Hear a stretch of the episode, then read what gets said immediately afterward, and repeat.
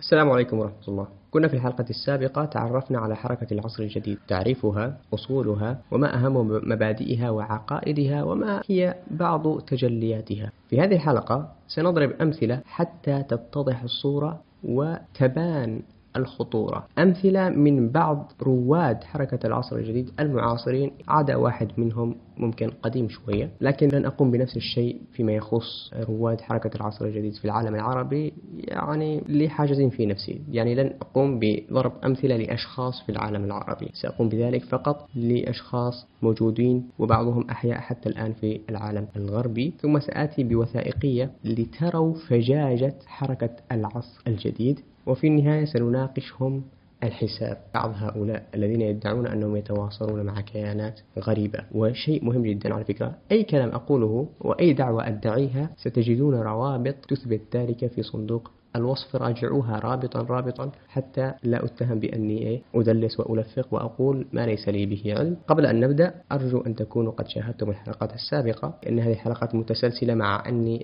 أجتهد أن أجعل لكل حلقة موضوعا معينا. إنما تابعوا الحلقات السابقة والحلقات الآتية حتى تكتمل الفائدة إن شاء الله.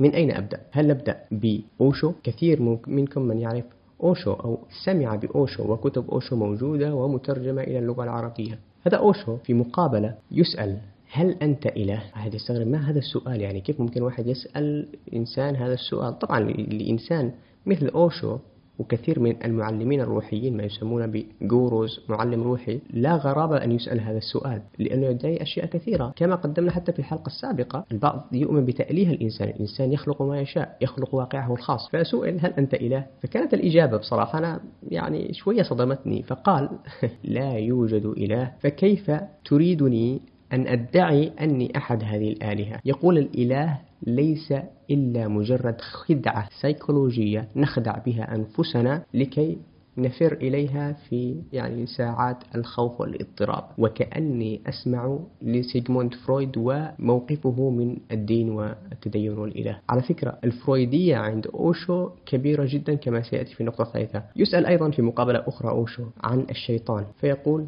الإله والشيطان هما وجهان لعملة واحدة. وطبعا لا يؤمن بهما. لا يؤمن بوجود لا إله ولا شيطان ولكن يقول الإله هو الشيطان. ما يؤمن به الناس أنه إله هو شيطان وما يؤمن به الشيطان هو إله. هل نتكلم عن أوشو وأساليبه العلاجية التنويرية المزعومة المقرفة التي يعطيها أو يأمر مريديه بأن يفعلوها؟ طبعا مريديه المجانين الذين يأتون ويقبلون يعني أرجله بكل بساطة ما في أي مشكلة. يأمرهم بالتعري الكامل المختلط طبعا رجال ونساء. أنا والله ما أدري لماذا أقول هذا الكلام لكن هذا هذه هي الحقيقة. وعلى فكرة في وثائقي كامل عن أوشو ولكن لن أدرجه في صندوق الوصف لأني أعيذ المشاهدين من أن يشاهدوا مثل هذه الأشياء. يأمرهم بالتعري ثم يأمرهم بممارسة الجنس الجماعي المختلط في مكان واحد يعني شيء مقرف. وأيضا يأمرهم بالعنف والعدوان وأن يضربوا بعضهم البعض وأن يصرخوا في وجوه بعضهم البعض. وكأني أرى فلسفة فرويدية متطرفة. طبعا معروف أن فرويد الدوافع النفسية عنده دافعان الجنس والعدوان. إذا كبتت هذه الدوافع تسبب مشاكل نفسية. فأوشو من هذا المنطلق يبدو أنه يأمرهم بأن يمارسوا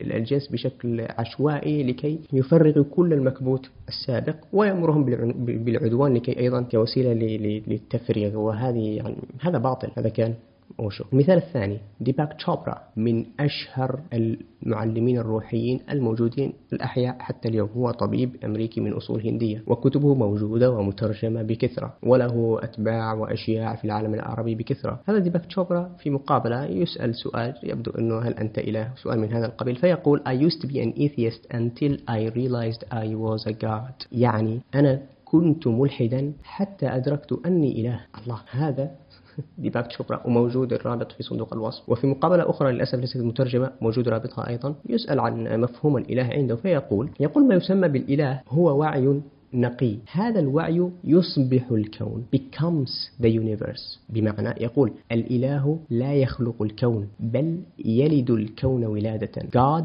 doesn't create the universe. God gives birth of the universe. حرفيا هكذا يقولها نفس المعتقد الهندوسي وفي الديانات الشرقية القديمة. مطلق انبثق عنه الكون. الإله في نظره. طبعا ما في إله مفارق. ليس أصلا لديه قدرة وإرادة مستقلة لكي يخلق شيئا. هو هو الكون. انبثق عنه الكون. وللأسف يأتي من من مروجي التنمية البشرية وهذه الأشياء الروحية في العالم العربي والإسلامي. عرب ومسلمون وطبعا يمدحون أوشو وديباك تشوبرا. وممكن يضعونهم في سياق واحد مع النبي صلى الله عليه وسلم.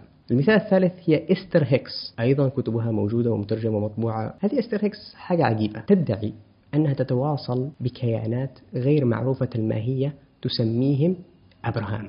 بعدين تقول أبراهام هيكس يعني منتج مختلط بين أبراهام وهيكس. ما هو أبراهام؟ مجموعة من الكائنات تسميهم أبراهام. تكتب وتتكلم من خلال جسد إستر هيكس. هكذا تدعي. يعني إستر هيكس بكل بساطة وموجود في حتى مقابلة يكونوا يتكلمون معها يجرون معها مقابلة وكيف استطعت أن تتواصلي بهذه الكائنات ثم يقولون لها يطلب منها المقابل. هل يمكن أن نتكلم مع تقول yes it only takes a few seconds. فتجلس هكذا تسترخي تتنفس تعمل حركة غريبة هكذا براسها ورقبتها ثم تقول hello it's good to be here. يعني أهلا شيء جميل إني أتكلم معكم. على أساس أن المتكلم الآن هو أبراهام ليست إستر هيكس. تصعد يوما من الأيام إلى المنصة وتقول hello goodbye. ثم تغمض عينيها تعمل الحركات حق الغريبة. وبعدين تقول أهلا أنا ابراهام وهذه الأشياء. اللي اللي اللي صعد المنصة كانت إستر هيكس. فلذلك قالت أهلا.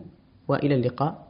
وانتقلت إلى إبراهام شيء مخيف صح؟ هذه إستر هيكس. في كتابها اسأل تعطى موجود ومترجم إلى اللغة العربية. أنا ما أدري في ناس يعجبهم هذا الكتاب. لماذا؟ في كتابها في المقدمة التي هي كتبتها تقول أنه كانت في الماضي تخاف من الشيطان. لما كانت تروح الكنيسة كانوا يخوفونها من الشيطان the devil ومدري ما. قالت في يوم من الأيام ذهبت أنا وزوجي لزيارة أحد النساء التي تدعي أنها تتواصل مع كيانات روحية معينة فذهبنا إليها وقابلناها. طبعا نفس الكلام نفس استر هيكس تتواصل مع إنسان مع مع كائن معين ويتكلم من خلالها فتكلموا مع هذا الكائن. وقال لها قال لإستر هيكس أنت تمثلين قناة للتواصل. قالت في البداية لم أفهم. إيش يعني قناة للتواصل؟ إنه أنت ممكن تكوني قناة تتواصل مع عالم الغيب بهذا المعنى. يعني أنت أيضا ممكن تكوني مثل هذا الجسد اللي أنا أتواصل من خلاله. ونصحوها أو نصحها بأن تبدأ بممارسة التأمل بشكل كبير. فذهبت إلى البيت ومارست أكثر من جلسة للتأمل مع الأيام مع الممارسة. أصبحت تشعر أنها إيه؟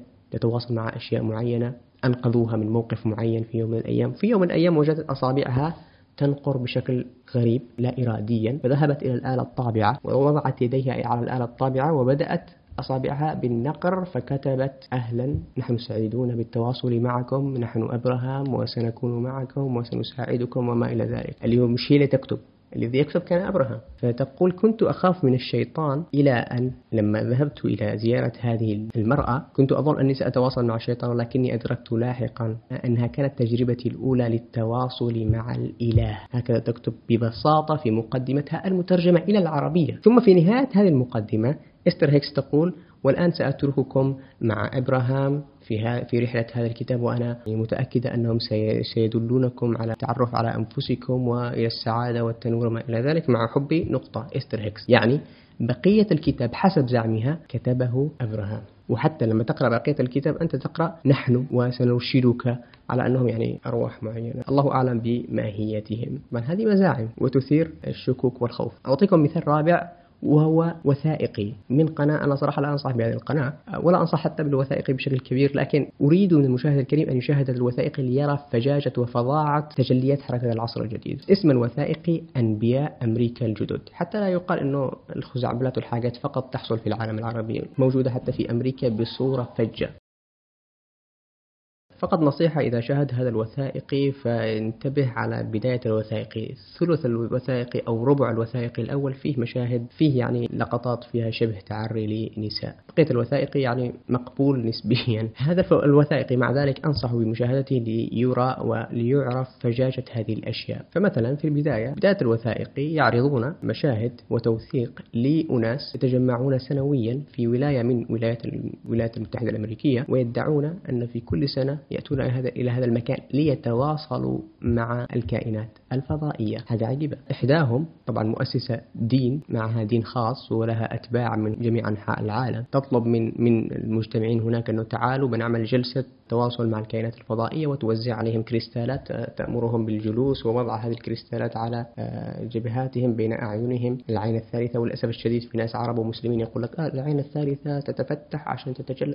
كلام فاضي. فهي تأمرهم أن يضعون الكريستالات هنا ثم يغمضون أعينهم وترشدهم خلال هذا التأمل للتخاطر أو سميه ما شئت. ويتواصلون ما أدري كيف ثم تنتهي الجلسة. وخلاص اكتملنا خلاص تواصلنا مع الكائنات الفضائية وتصفيقة وانتهى الموضوع. هذه من الأمثلة. يستمر الوثائقي طبعا ما بين هذا وذاك في أشياء غريبة عجيبة. إلى أن يصلوا إلى أحدهم يدعي أنه شامان. الشامانية هي سحر وشعوذة حرفيا يعني وتواصل مع جن وأشياء زي كذا يسمونهم أرواح أو أسياد. فهذا يدعي أنه شامان ويتواصل مع هذه الأسياد وله طقوس صباحيه يمارسها بشكل غريب عجيب مخيف يتكلم مع هذه الأرواح. المهم غني جدا ومتزوج من ابنة أمير النرويج حاجة عجيبة وله علاقات مع مشاهير هوليوود وأشياء يعالج الناس علاج روحي كما يسمى. يوثقون جلسة علاجية مع عارضة أزياء تأتي إليه تطلب العلاج.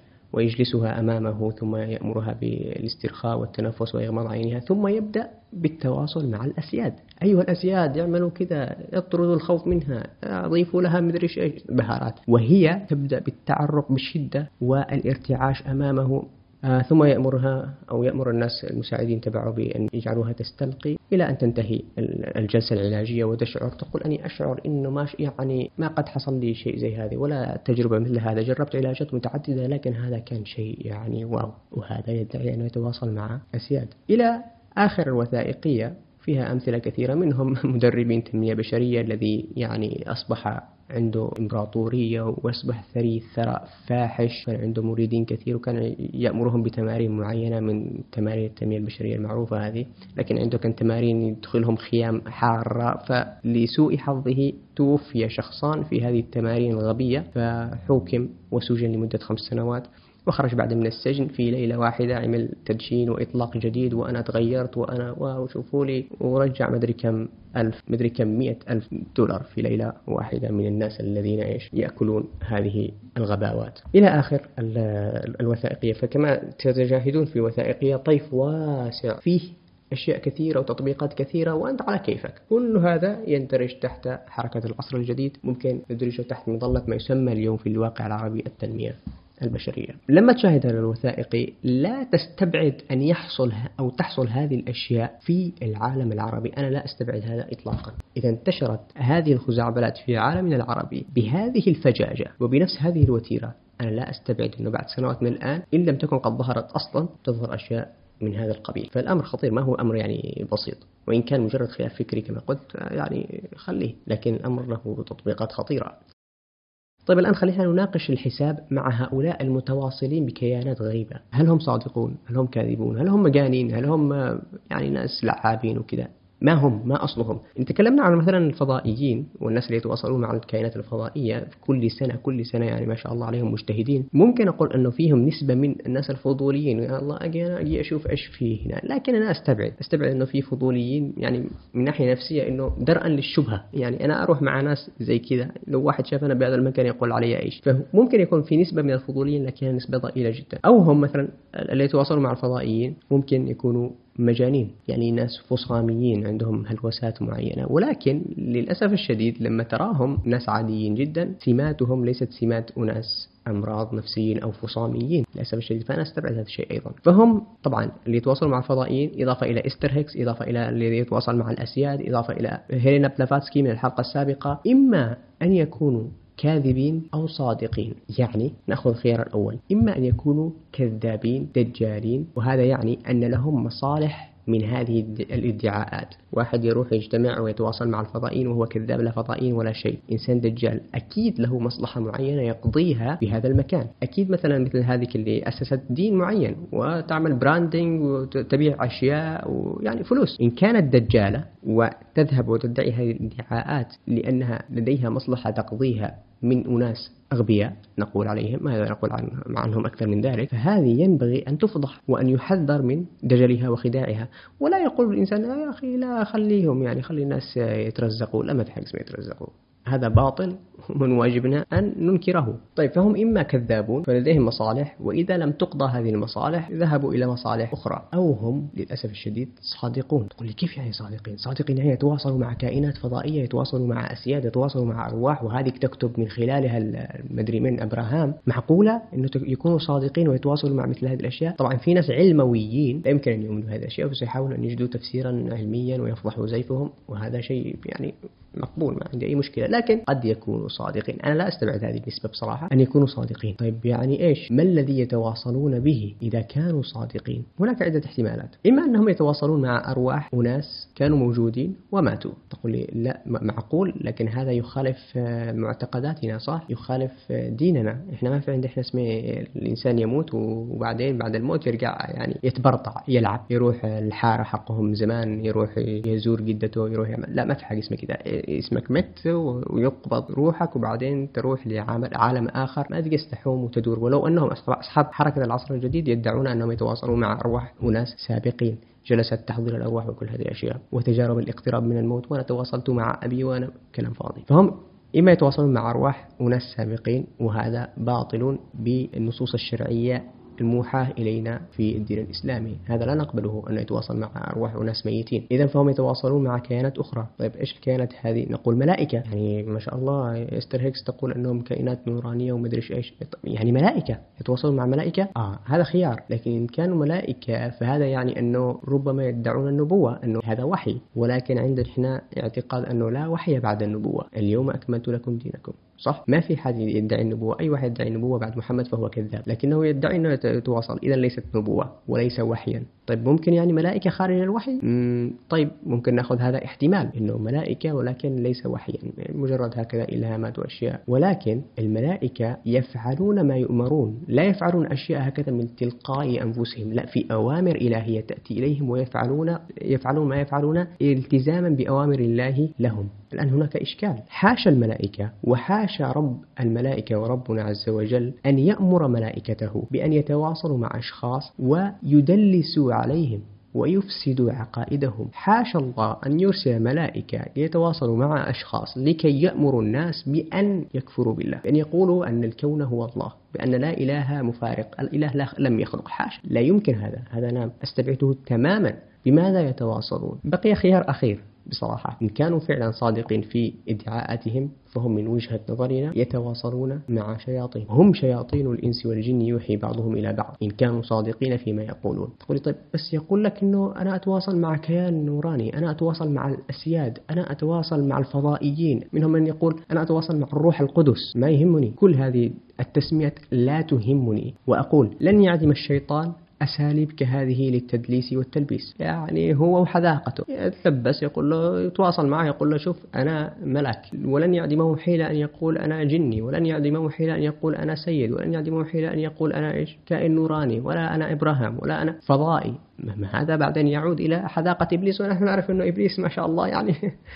أستغفر الله. فالخلاصة أنه إن كانوا فعلا يتواصلون مع كيانات معينة فلا يوجد احتمال آخر إلا أنهم يتواصلون مع شياطين. علموا أنهم شياطين أن لم يعلموا أنهم شياطين؟ يعني كما كانت هيلينا بلافاتسكي لما قالت أنه لوسيفر جانب الضياء وهناك اليوم من هم يسمون بعبدة الشيطان يعبدون الشيطان حرفيا ويؤمنون أنه المخلص لهم وأنه في مقابل الإله وأنه سيخلصهم في نهاية يعني قصة طويلة. موجودين. فالناس مش راضين يقتنعوا بعبادة الشيطان يقولون أنهم والله أنتم تتواصلوا مع ملائكة وكائنات روحانية وأنتم يعني كانوا فعلا صادقين فهم يتواصلون مع شياطين إن لم يكونوا صادقين فهم كاذبون دجالون وجب التحذير منهم. إن كانوا صادقين وجب أكثر التحذير منهم وفضح ما يفعلونه لأنهم واقعون تحت خطط الشيطان. وعلى فكرة أتباعهم بمئات الآلاف والملايين سواء في العالم الغربي أو في العالم العربي والإسلامي. فلذلك أنا ما أجد أنه هذه الأشياء يعني من الأشياء الذي ممكن الواحد يسكت عنها. بصراحة أعتبره من ما يسمى زكاة العلم. لما واحد يعلم شيئا. وهذا الشيء الناس لا يعلمونه